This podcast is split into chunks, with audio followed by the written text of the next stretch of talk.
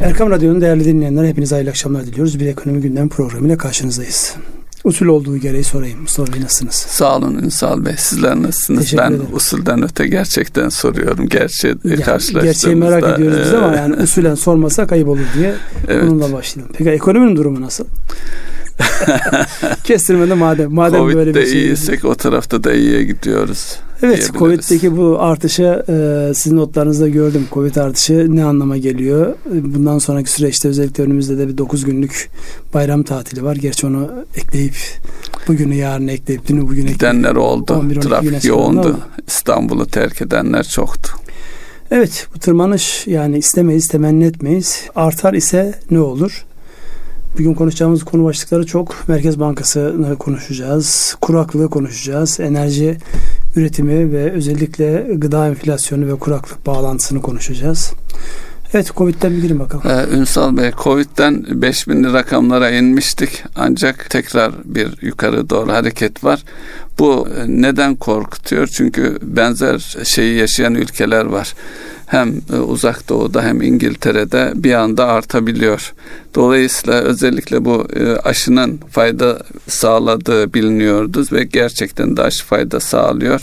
Ancak bu yeni varyant e, yine hastalığı yayıyor. Her ne kadar ölüm oranlarını düşürse de hastaneye yatma ihtiyacını düşürse de bir tehdit olarak duruyor. Dolayısıyla bizim de geldiğimiz bugün itibariyle e, dikkat etmek belki de aşı sayısı günlük 300 binlere kadar düşmüş.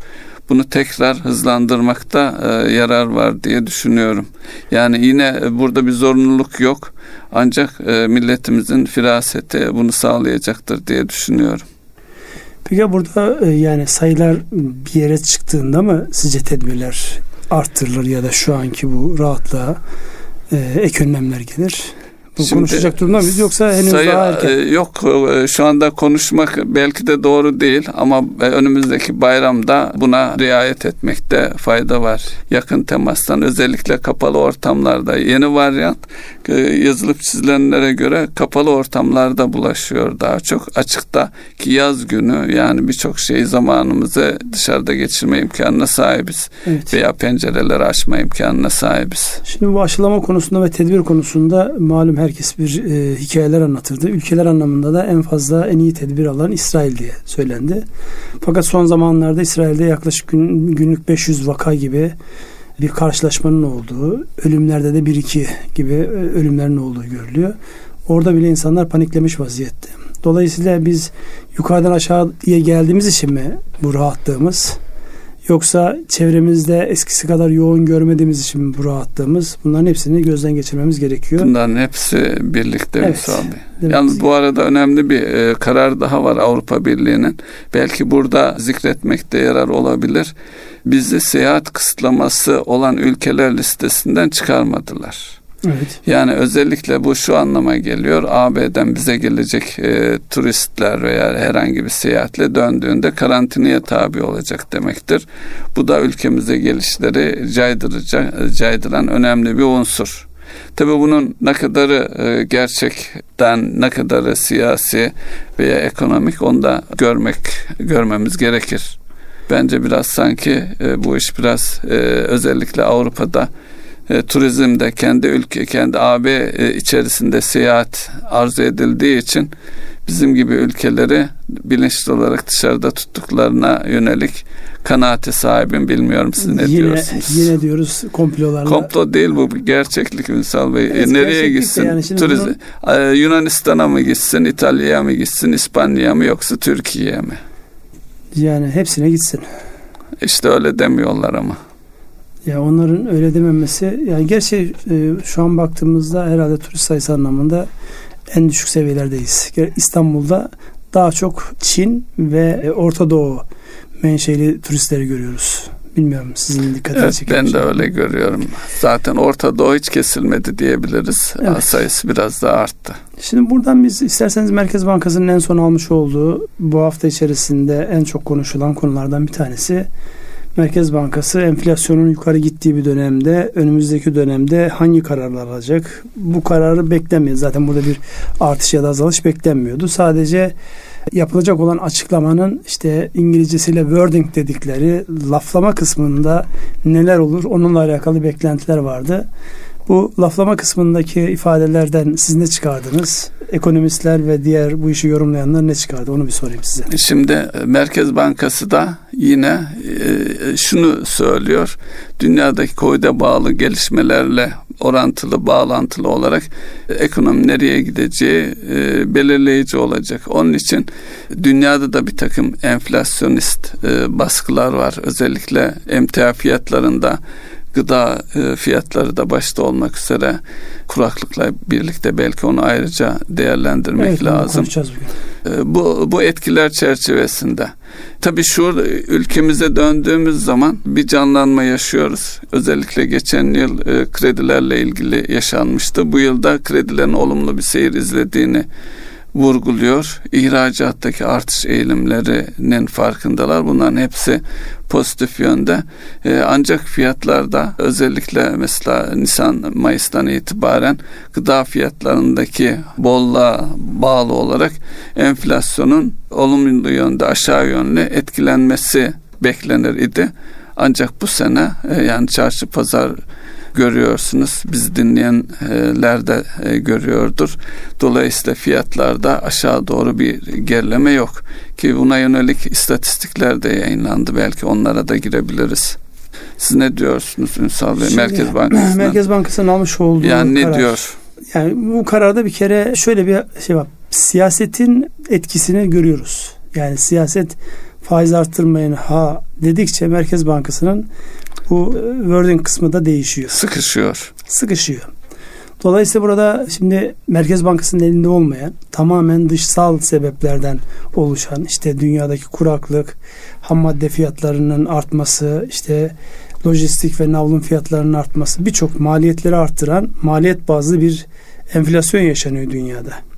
Hele e, kuraklık yaz aylarında bizde enflasyonun en önemli e, düzenleyici unsurlardan bir tanesi sebze meyve fiyatlarının e, aşağı gelmesi. Çünkü üretim yapabilen bir ülkeyiz.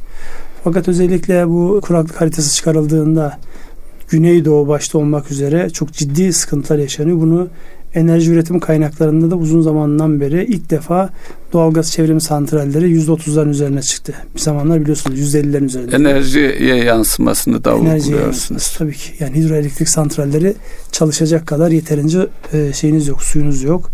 Dolayısıyla ne yapıyorsunuz siz? Açık kalan kısmı e, fosil yakıtlara yöneliyorsunuz. Fosil yakıtlardan da yatırımı yapılmış en hızlı devreye alabileceğiniz o e, yer doğalgaz çevrim santralleri. Bir ara biliyorsunuz çok popülerdi. Emre herkes, Amade diye vurgulanan herkes e, santraller. oraya yatırım yapıyordu. Sonra doğalgaz fiyatlarının yukarı gitmesi, alternatif enerji üretimlerinin kuvvet kazanması, özellikle yağışların iyi olması sebebiyle Ondan sonraki süreçte %50'lerden %20'lerin altına inmiş doğalgaz çevrim santralleri tekrar bu yaz sıcağında yoğun enerji talebiyle beraber %30'ların üzerine çıktı. Şimdi buna bakan Merkez Bankası bir taraftan üretici fiyatlarındaki %50'lere varan neredeyse enflasyon, üretici enflasyonu varken tüketiciye %17'lerde 18'lerde kalamayacağını onlar da görüyor. Ama ona rağmen yani ilk düşüşte biz faizi indirebiliriz mesajını vermek için o laflama kısmı dediğimiz e, alanı biraz bu yönde kullanıyor. Göreceğiz yani bunun çok fazla üzerine kafa yormanın bir anlamı yok ama yani Merkez Bankası'nın ilave tedbir almak noktasında sıkılaştırma noktasında bir duruş sergilemeyeceği yönündeki algı piyasayı tabi e, yukarıda tutuyor. Nereyi yukarıda tutuyor? Dövizi yukarıda tutuyor. Faizi yukarıda tutuyor. E, borsa ona çok fazla tepki vermiyor. Yani zaten bu karar öncesinde borsa bir aşağı doğru salınmıştı. Çeşitli risklerden dolayı. Araya bir de 9 gün bayram tatili girince insanlar uzun zaman zarfında belirsizlikleri satın almak istemiyorlar. Dolayısıyla önümüzde e, ay sonuna kadar öyle ne olacağını çok kestiremeyeceğimiz ama insanların risk almak istemedikleri bir dönemdeyiz. Peki şimdi Merkez Bankası'nın reel faizle ilgili enflasyon üzerinde bir reel getiriyle ilgili söylemi bir noktada taahhüdü de diyebiliriz. Bunu da dikkate alarak önümüzdeki dönemde yani enflasyonun da gidişatını görüyoruz. Yılbaşına kadar bir faiz indirim Merkez Bankası gündemine gelir mi? Yani artış geleceğini beklemiyoruz ama. Şimdi şöyle bakmak lazım. Faiz dediğiniz özellikle bankacılık sistemini değerlendirdiğimizde bireyler mi daha çok kredi kullanıyor kurumlar mı? Kurumlar kullanıyor. Evet. Kurumların kullanmış olduğu başta e, krediler olmak üzere diğer maliyet unsurlarını eğer fiyatlarına yansıtamıyorlarsa Merkez Bankası'nın belirlemiş olduğu oranda kurumların değil de bireylerin ihtiyaçlarına göre ayarlanıyorsa burada bir çelişki yok mu sizce? Yani kurumlar fiyatlara yansıtamadıkları 40-50 bandında bir üretici fiyat, fiyat e, var. farkı var. O ne olacak? O orada duruyor. Ne kadar, Fiyata yansıtamıyorsun. Evet. Ne kadar tutacak? Taşınacak. için Merkez Bankası'nın reel e, faiz uygulamasını bu anlamda bir e, eleştirel bir bakış açısıyla şöyle değerlendirebiliriz. Hangi reel?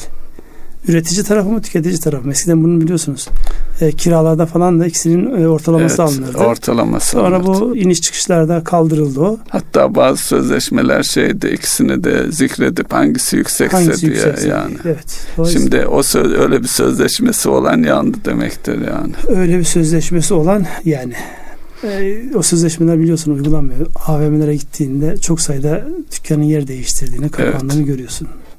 Yani yeni baştan konuşulan şeyler. Onun için Merkez Bankası'nın e, yapmış olduğu bu açıklama önümüzdeki dönemde yani e, sözlü kısımda dahil olmak üzere gelişmeler endeksli olduğunu düşünüyorum ben.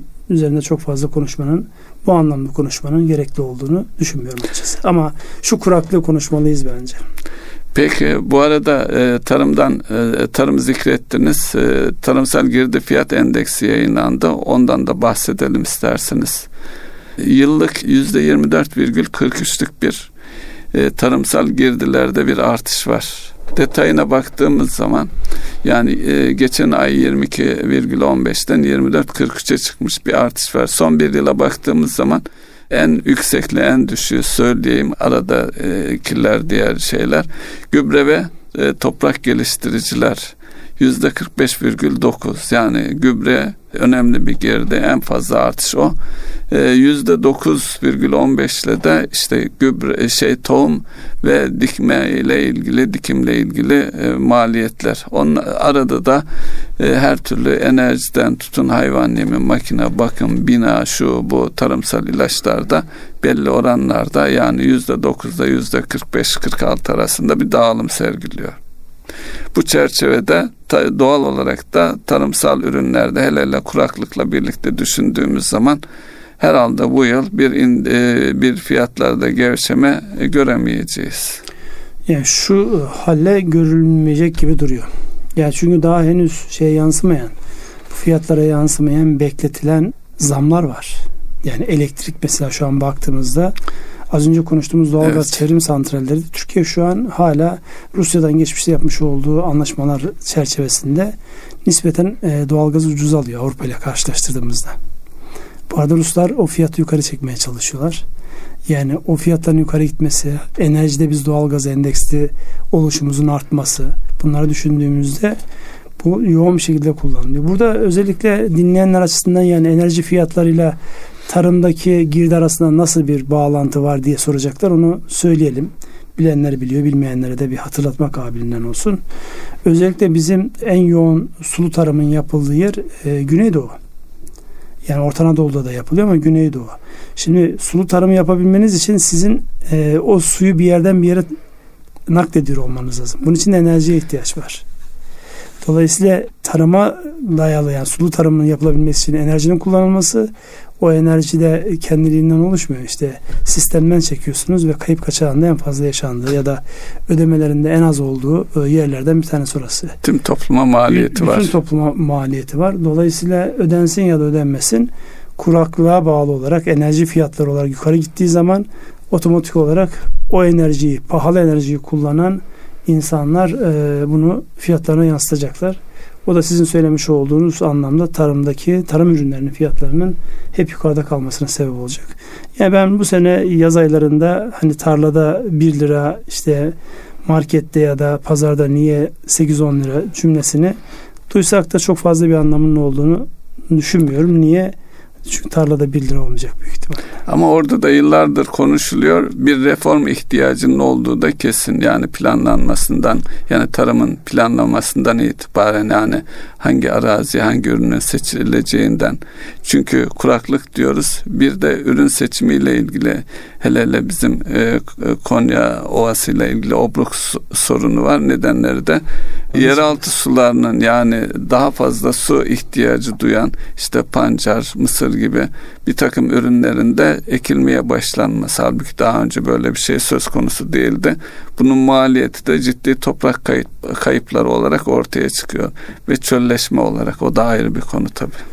Yani Anadolu'da e, Konya Ovası başta olmak üzere oradaki aynı şey Erzurum'da da var biliyorsunuz. Erzurum'da da obruklar oluşuyor yeraltı sularının çekilmesinden dolayı.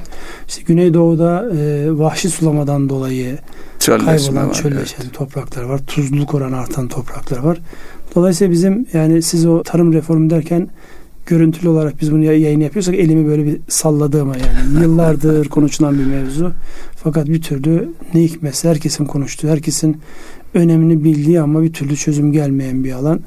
Ona diyecek çok fazla bir şey yok. Çünkü e, netice itibariyle çözüm üretecek olanlar e, biz değiliz. Belki toplumun hepsi bu konuda akıl birliğine oluşturup oradan yürüyecekler.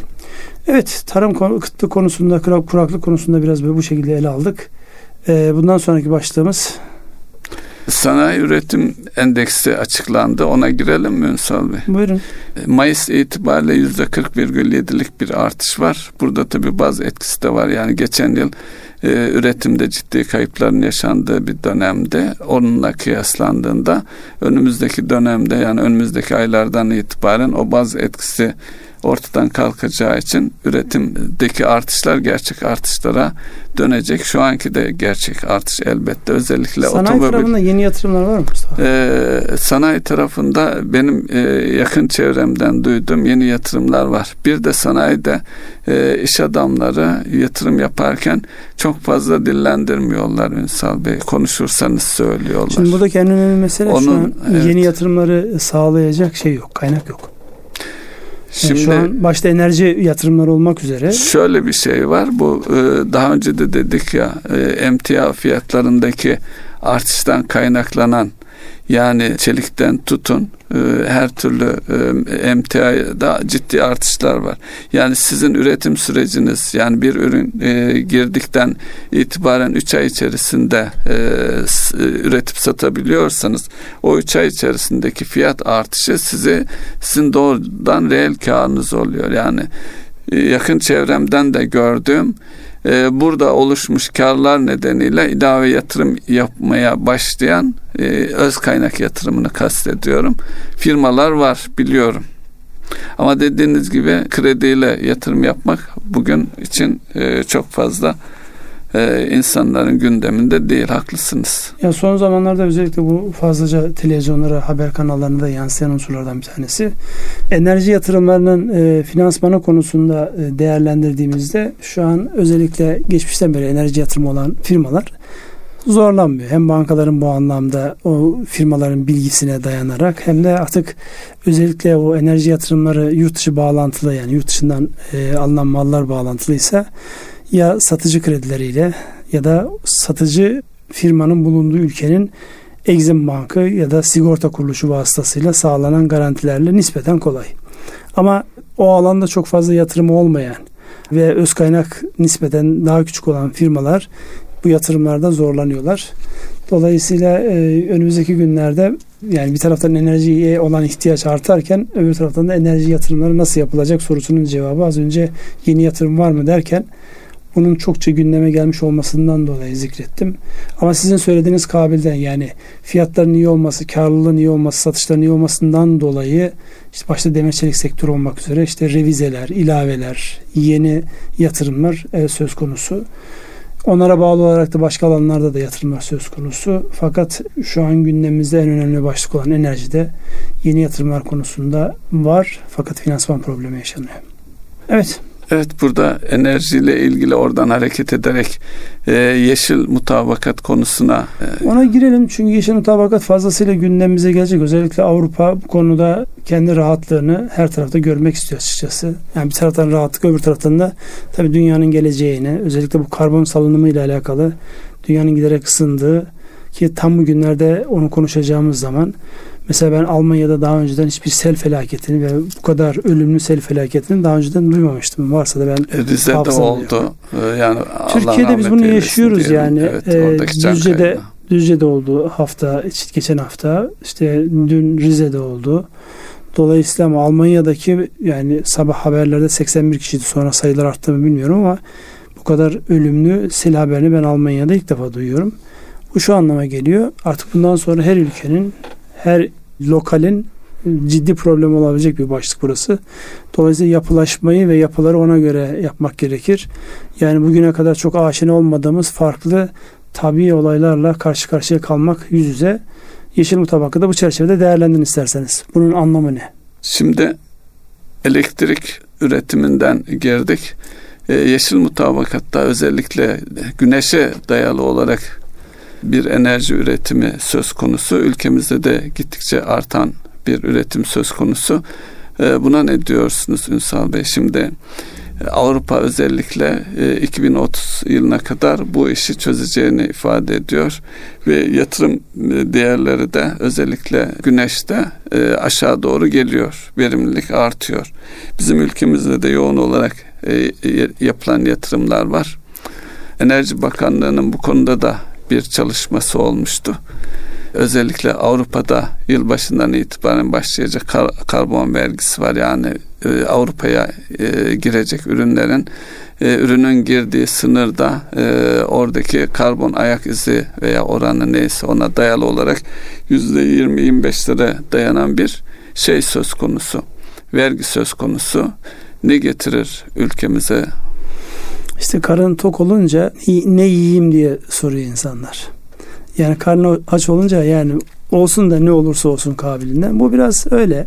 Vakti zamanda dünyanın her türlü altyapısını, üst yapısını kirleten e, ülkeler şimdi kendilerini başta korumak üzere e, bu tip uygulamalara gidiyorlar. Yani yersiz midir? Hayır ben bunu söyleyemem. Elbette buna özen gösterilmeli. Fakat bu kadar keskin olması yani uygulanabilirliği açısından özellikle bizim açımızdan zorlayıcı bir unsur. Ee, burada e, şunu söylemek lazım. Az önce enerji yatırımlarından özellikle güneşten bahsederken tamam güneş teşvik ediliyor ama enerji yatırımlarının şöyle bir özelliği var. Devlet alım garantileriyle yürüyen yapılar bunlar. Rüzgarda, güneşte, jeotermalde yani e, tabiatı hiç kirletmiyor değiller. Bunlar da kirletiyor. Ama fosil yakıtlarla karşılaştırdığında yani inanılmaz bir fark var. Dolayısıyla güneşten, rüzgardan ve jeotermalden ve diğer yenilenebilir e, kaynaklardan e, yararlanmak tabii ki gerekli. Buradaki temel e, açmazımız şu. E, başta Avrupa'daki mesela İspanya gibi ülkeler olmak üzere daha önceden e, 25 euro sent seviyesinde olan güneş e, enerjisi alım garantilerini hızla azaltıyorlar. Bu enerji bize çok pahalıya geliyor diye. Şimdi Türkiye'de de özellikle bu güneş yatırımları hızlanmaya başladı. Burada panel üretimi de Türkiye'de artık ciddi bir anlamda gündemde. Yani e, o hücreler üretilmese dahi paneller en azından üretiliyor. Ciddi ölçüde bu anlamda sanayi. Yüzde üretimi de başlamış Ünsal Bey. Yani, yani yüzde tam, 90 seviyelerine geldi söyleniyor. Ama işte tam tam değil yani hala biz işte evet. Çin'i, Almanya'yı. Ama o olmak zorunda deniyor evet. biraz da. E, pil, pil konusunda da geçen hafta da pil konusunu değerlendirmiştik hatırlarsanız. Dolayısıyla buradaki e, gelişmeler tamamen devletin alım garantisine bağlı. Şimdi devlet burada alım garantisini yukarıda tutar mı? Şu an işte o 13 dolar sent olan alım garantisini tutar mı burada? Herkes ona bakıyor. Çünkü bütün fizibiliteler onun üzerinden yapılıyor. Yani siz rüzgar e, daha aşağıda zaten onun alım garantisi. Güneş yatırımı yapacaksanız ya da jeotermal yatırım yapacaksanız nereye bakacaksınız fizibilitede? Ben bu buradan ürettiğim enerjiyi kaçtan satacağım sorusunu cevap bulacaksınız. O soru eğer devlet alım garantisi ise bunun siz hazırlayacağınız fizibilite raporunda, iş planında, bankaya sunacağınız bu değerleme raporlarında bunu dikkat alacaksınız. Aksi takdirde piyasanın şu an tepe yaptığı, pik yapmış olduğu dönemdeki enerji fiyatlarını hesap edip de bu yatırımın karlılığını ortaya koyarsanız çok yanıltıcı olur bu. Çünkü bunun dip yaptığı zamanlar da var.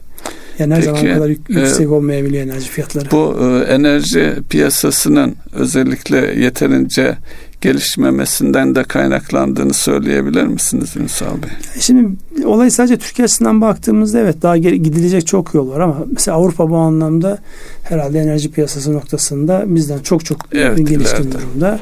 Orada mesela özellikle bu güneş yatırımlarının, güneş enerjisi yatırımlarının en fazla e, yapıldığı ülkelerden bir tanesi olan İspanya'nın devlet al- alım garantisini aşağı çekmesi, işte Orta Avrupa'da e, Macaristan, Polonya gibi ülkelerin de benzer adımlar atmaya başlamış olması e, güneş zengin olan bizim gibi ülkenin yani enerji ihracatı noktasında daha ucuza üretip daha çok satıyor olabilmemiz lazım. Fakat bizim de işte bu yatırımlar konusunda bir soru işareti var. Evet. Bunu çözmemiz icap eder. Bu e, yeni kurulan Yeşil Mutabakat Çalışma Grubu sanıyorum e, Ticaret Bakanlığı Bakan Yardımcısının başkanlığında oluşturulmuş. Çeşitli diğer bakanlıklarda devrede sanıyorum yine e, karbon Avrupa'ya yapılacak ihracatı e, koruma üzerine hareket edildiğini düşündürüyor. Ne Evet. dersiniz? Ya burada e, özellikle Avrupa Birliği'nin e, son yapılan G7 toplantılarında ve e, bir anlamda ona bağlı olarak yapılan toplantılarda çokça gündeme getirilmiş bir başlık ve bu konu artık sadece zikredilen olsa iyi olur kabiliğinden değil belli yaptırımları olan başlıklar bunlar. Dolayısıyla bunun e, özellikle üreticiler açısından çok e, fazlasıyla dikkate alınması gereken bir başlık olduğunu düşünüyorum. Avrupa'ya eğer siz ihracat düşünüyorsanız bu anlamdaki gelişmeleri yakından takip etmek gerekir. Aynı kuraklığı takip ettiğimiz gibi. Yani ekonomi dediğiniz hadise sadece piyasada bir şeyin alınıp verilmesi ya da ona olan talepten dolayı değil. Projeksiyonlarda eğer gelecekte işte bu e, karbon salınımı ile alakalı yeşil mutabakatta olduğu gibi belli zorunlulukları geliyorsa siz e, faaliyet gösterdiğiniz sektörde bunu dikkate almak zorundasınız. İşletmenizde bunu dikkate almak zorundasınız. Eğer kuraklıkla benim bir işim yok ben başka bir sektördeyim diyorsanız nihayetinde bu enflasyona bir şekilde yansıyacağını enflasyona yansıdığı zaman işte Merkez Bankası'nın para politikası e, kararlarına yansıyacağı ve bunun her tarafa domino taş etkisiyle yayılacağını biliyor olmak icap eder. Onun için eğer işletme varsa ekonomiyle ilgiliyseniz yani hava durumundan tutun e, gelecekteki insanların eğilimlerine kadar davranışlarına kadar her alanı incelemek, izlemek ve ilgilenmek zorundasınız. Bunu da o kabilden söyleyeyim ben. Ee, şimdi geçen hafta ülke, dünya ülkelerinin büyük çoğunun içinde aldığı, içinde yer aldığı kurumlar vergisiyle ilgili bir e, yüzde on beş asgari vergide bir anlaşma sağlandı. Hı hı. Bu biz de içindeyiz. E, sanki bu biraz e, pandemiden kaynaklanan sıkıntılar nedeniyle e, en azından ülkeler arasındaki vergilendirmeyi planlamaya yönelik bir çaba gibi duruyor ama yine İrlanda, Macaristan gibi ülkelerde bu şeye katılmadı. Yani artık büyük şirketler için özellikle e, küresel şirketler için vergi planlaması adına merkezlerini başka ülkelere taşıyarak çok fazla bir sonuç elde edemeyecekler görünüyor. Ya o devam edecektir. Yani şöyle devam edecektir. Bazı ülkeler daha cazip, bazı ülkelerde bu oranlar yüksek olacaktır. Yani bizde mesela baktığımızda Bu lehimize mi aleyhimize mi olur sizce Şimdi Misal Bey? lehe, Yüzde aleyhe- yüzde 22 şu anda. 22 ama bazı yerlerde biliyorsunuz bu oran e, yüzde 40 50 Evet. 60'lara kadar çıkıyor mesela. Fransa bu anlamda e, en yüksek vergi oranlarını uygulayan bireylere ve kurumlara en yüksek vergiyi uygulayan ülkelerden bir tanesi. Bu neyi sağlıyor? Fransız şirketlerinin vergi, verginin nispeten daha düşük olduğu ülkelere yatırım yapmasını sağlıyordu. Bizde de benzer şeyler vardı. Daha önceden özellikle işlem kolaylığından dolayı Hollanda mesela çok ciddi e, Türk e, sermayedarının yatırım yaptığı ülkelerden bir tanesi. Yani en azından yurt dışı açılımlarını ya da transit ticaret dediğimiz hadisenin yürütülebilmesi için Hollanda başta olmak üzere adını bazen söyleyeyim Liechtenstein e, olmak üzere e, bazı ülkeler özellikle offshore'ların da olduğu bazı ülkeler çok yoğun olarak kullanılmaktaydı. Ama buradaki temel unsur özellikle vergi mevzuatının kompleksliği ya da basitliği. Yani biz e, özellikle bu İstanbul'un finans merkezi konusunda konuşurken e, vurgulamıştık. Her defasında da söylüyoruz. Bizim mevzuatımız inanılmaz teferruatlı, inanılmaz boşluk dolduran, boşluk dili kapatmaya yönelik bir mevzuat. Dolayısıyla yabancı yatırımcı açısından bu anlamda biraz ürkütücü bir tarafımız var. hep konuşulan başlıklardan bir tanesidir. Mevzuatın sadeleştirilmesi, finans merkezi gündemiyle beraber. Ama burada sizin söylemiş olduğunuz şey şu an Türkiye çok yüksek kurumlar vergisi uygulayan bir ülke değil. Çünkü kurumlar vergisi bu anlamda özellikle baktığımızda yani Türkiye'deki işletmelerde çıkan e, çok bir vergi değil. Dolaylı vergilere yüklenmemizin evet. sebebi bu. Onun için e, Türkiye bundan nasıl etkilenir sorusunu yani öncelikli olarak Türkiye'nin siyaseten cazibeyi sağlıyor olması lazım e, yatırımların gelebilmesi için. Bu dediğiniz ülkelerde e, vergi yanı sıra bürokratik kolaylıklar da ön planda. Yani, iş yapma evet, kolaylığı iş yapma çok kolaylığı. önemli. O da önemli. Ee, Ünsal Bey finans konusunda e, bu hafta yayınlanan birkaç e, şey oldu. E, mesela BDDK'nın sorunu alacak çözümleme rehberi diye bir yayını var. Acaba artık e, bu geldiğimiz şey itibariyle normale dönme finans sektöründe de yani e, bankalar ve borçlu firmaların e, artık normal hayata dönmesine ilişkin bir gelişim olabilir mi acaba? Çünkü yeniden yapılanmayla ilgili iki yıllık daha ilave süre uzatımı oldu. E, Bankalar Birliği'nin de e, bu e, yeni bir yayını var bu konularda. Topluca baktığımız zaman İstanbul'un finans merkezi olmasından bahsettiniz. Nereye doğru evriliyor acaba? Şimdi bu varlık yönetim şirketlerinin Evet o da, orada e, da bir yeni yönetmelik yeni yayınlandı. Yönetmelik, varlık yönetim şirketlerine yönelik çıkan yönetmelikte şu var. Daha önceden bankaların e, tahsili imkansız olan ya da uğraşmaya değer görmedikleri alacaklarının büyük bir kısmına da karşılık ayırmış oldukları alacakları e, varlık yönetim şirketlerine devrederek o şirketlerin eliyle tahsil edilmesi. Bu vesileyle e, borçlu olanlar borçlarından anlaştıkları oran üzerinden kurtuluyorlar. Sağlanmış vergi avantajları vardı varlık yönetimi şirketlerine. Onlarla alakalı o avantaj uzatılacak mı uzatılmayacak mı? O tartışmalar hala devam ediyor. Bir taraftan bankanın yükünü alan bir hadise. Yani banka artık takip edemiyor. Ona emek harcasa da ne alacağı belli değil.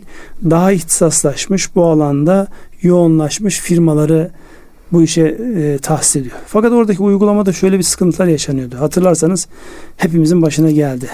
Yani bir şekilde sizinle ilişkisi olan ya da soyad benzerliği, isim benzerliğinden dolayı birileri arayıp size falanca mısınız? İşte filancanın işte elektrik, su ya da bankasından dolayı bilmem ne var. Bir taciz ve insanları ürküterek, korkutarak tahsilat yapmak gibi böyle gerçekten e, şeye e, etik kurallara da sığmayan, hiçbir şeye sığmayan bir e, uygulama bulmuştu. Vahşi bir uygulama bulmuştu. Son zamanlarda nispeten burada bir düzelme olsa dahi ama devam ediyor. Şimdi bunu bütün özellikle bu yeni yönetmelikte takip izlenen kredilere yani takip aşaması artık e, oraya gelmemiş ama yakından izlenen kredilerin de bu yöntemle satılıyor olabilmesi bankaların işini kolaylaştırır mı? Belki kolaylaştırır ama bu e, özellikle borçluların bu anlamda rahatlayıcı anlamına gelir mi sorusunun cevabı bireysel kredilerdeki ya da bireysel borçlardaki özellikle bu aradaki şirketlerin ya da hukuk firmalarının bu işe e, kendini hasretmiş hukuk firmalarının tarzından dolayı çok rahat olacağını ben düşünmüyorum. Yani burada bir mağduriyet ya da bir şikayet e, unsuru gelecektir. Biraz daha netleştirmeyi beklemek lazım. Geçenlerde varlık yönetim şirketlerinden bir tanesiyle görüştüm bu yönetmelik e, çıktıktan sonra işlerimiz arttı diyor artık bizim yani daha uzun soluklu, daha uzun ömürlü bakabiliriz. Bankacılık sistemi ve alacak mevzu olduğu sürece biz var olmaya devam edeceğiz diyor da Allah borçları yardımcısı olsun. Ee, orada yeni yönetmelikte e, dinleyenler açısından yararlı olabilir. Eğer bir borçluyu aradılarsa en az görüşme sağladıysa beş gün tekrar arayamama gibi ve günlük arama sayıları gibi ve e, e sabahdan itibaren sabah saatini net hatırlayamayacağım ama akşam sekizden sonra arayamama gibi e, belirlenmiş kıstaslar var. Bunu da e, buna uymak durumunda kalacaklar. Bu da iyi bir şey. Bu arada kişisel verilerin korunmasına ilişkin benzer tacizlerle ilgili e, verilen cezalar da var Ünsal Bey. Bir e, kişinin borçlunun bir yakınını arıyorlar, dava ediyor. E, verilen ceza 90 bin TL civarında bir cezaydı. Oldukça caydırıcı bir ceza yani. E, bunu da e, yeri gelmişken vurgulamakta yarar var. İşte burada hukukçulara ciddi e, işler çıkacak gözüküyor. Özellikle bu kişiler kişisel vergilerin ceza verilen de hukukçu zaten avukat taciz ediyor Ünsal Bey. He, tamam iyi bir şeymiş. E, numune olur. Bundan sonraki evet. süreçte de insanlar en azından daha insaflı davranırlar. Şimdi başlıklarımız var. E, süremiz biraz daralıyor. E, nasıl yapalım? Buyurun Ünsal Bey devam edebiliriz isterseniz. O zaman şuradan girelim. Geçtiğimiz dönemde özellikle bu petrol fiyatlarının yukarı gitmesi bizim cahil açısından önemli bir başlık biliyorsunuz. Son günlerde petrol fiyatlarında bir gerileme var. Yani 73 dolarlar seviyesinde biraz gerilemiş vaziyette Brent petrol. E, altının o daha yukarılara gider mi şeklindeki başlık biraz sakinledi. Yani 1820'li 30'lu dolarlar seviyesinde gidiyor. E, gümüş de bağlı olarak 26 dolarlar seviyesinde. Şimdi buradan baktığımızda özellikle petrol fiyatlarını da e, bir taraftan e, yenilenebilir enerjiyi konuşuyoruz. Öbür taraftan da petrol fiyatlarını konuşuyoruz. Özellikle petrol üreticisi olan firmaların, ülkelerin 2030'dan sonra buralar olan yatırımları azaltacaklarına dair şu an çok yoğun konuşuluyor. Şimdi bizim de e, özellikle yenilenebilir enerji konusunda hala gidecek çok yolumuz var. Çünkü başta güneş olmak üzere Türkiye bu anlamda son derece verimli alternatifler üretilebilecek e, bir ülke. Tek problem özellikle bu yenilenebilir enerjide stabil enerjiyi sağlayabilmek. Yani bunlar çünkü rüzgar esmeyebilir. Hava kapalı olabilir.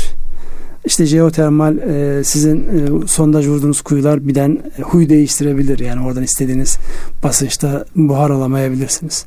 Dolayısıyla bunları dengeleyen fosil yakıt bağlantılı enerjiyle bir e, paçal yaparak üretmeniz lazım. İşte az önce sizin e, yayının başında söylemiş olduğunuz o işte emre amade olmak, doğalgaz çevrim santrallerinin böyle bir özelliği vardı. Nükleer santral nükleer devreye santral giriyor. Herkese ama nükleer sonra. santral e, kaçta 2023'te mi gelecekti? Evet galiba öyleydi. 2023'te gelecek. Dolayısıyla önümüzdeki zamanda bunlar e, hareketlenecek. E, bu yüzden özellikle petrol ve petrolle bağlı cari açık vermemiz devam edecek. Sadece şu an yapılan yorumlar özellikle kurların yukarıda olması sebebiyle her şeyimize pahalı geliyor olması sebebiyle e, sanki cari açıktaki hızlı artış artık durdu ve bundan sonra geriye gelecek gibi bir yorum var. Bu konuda sizin gözlemlediğiniz herhangi bir şey var mı? Cari açık e, evet özellikle ihracattaki artışta söz konusu sanayideki artışı ifade ettik. Onu da düşünebiliriz. E, cari açık bir yolla azalacak. Özellikle yılın ikinci e, yarısından itibaren. Bu arada bir yönetmelik yayınlandı Ünsal Bey. Belki onu vurgulamakta yarar var. Hazine ve Maliye Bakanlığı'nın servetlerin gerçek sahiplerini belirlenmesine yönelik bir yükümlülük.